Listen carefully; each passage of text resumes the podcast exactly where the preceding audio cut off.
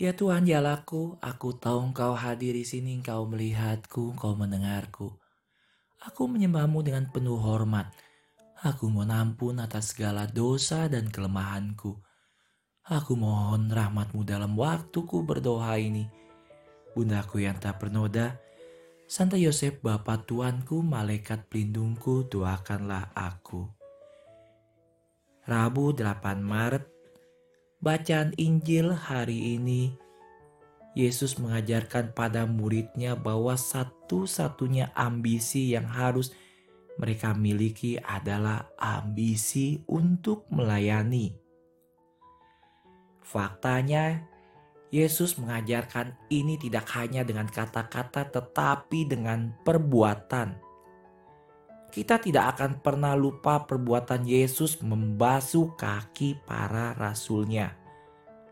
Kita juga harus selalu mengingat gambaran ini ketika kita sedang tidak ingin melayani orang-orang di sekitar kita. Prapaskah adalah waktu pelayanan yang merupakan amal dan para murid Yesus mengikuti jejak dan teladan Yesus. Kita perlu membuat keputusan untuk selalu melayani dan melayani setiap orang.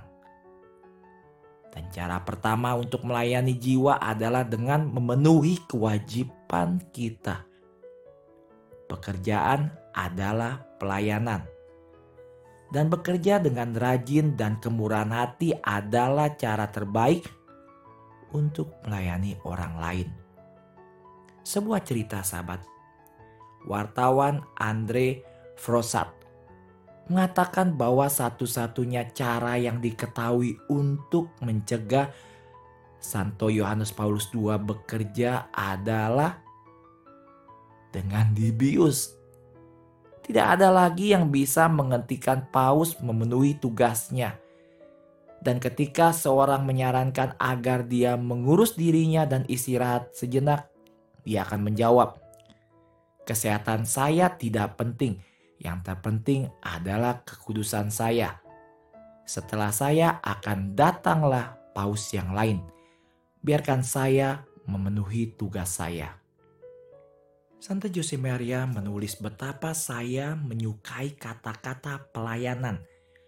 Untuk melayani raja dan saya dan melalui dia semua orang yang telah ditebus oleh darahnya saya benar-benar berharap kita orang Kristen tahu bagaimana melayani karena hanya dengan melayani kita dapat mengenal dan mencintai Kristus dan membuat dia dikenal dan dicintai.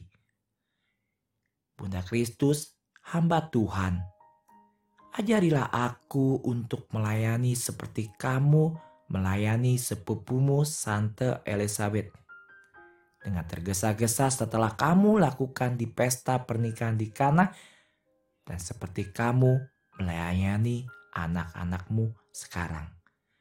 Bunda Maria, harapan kita dan tata kebijaksanaan, doakanlah kami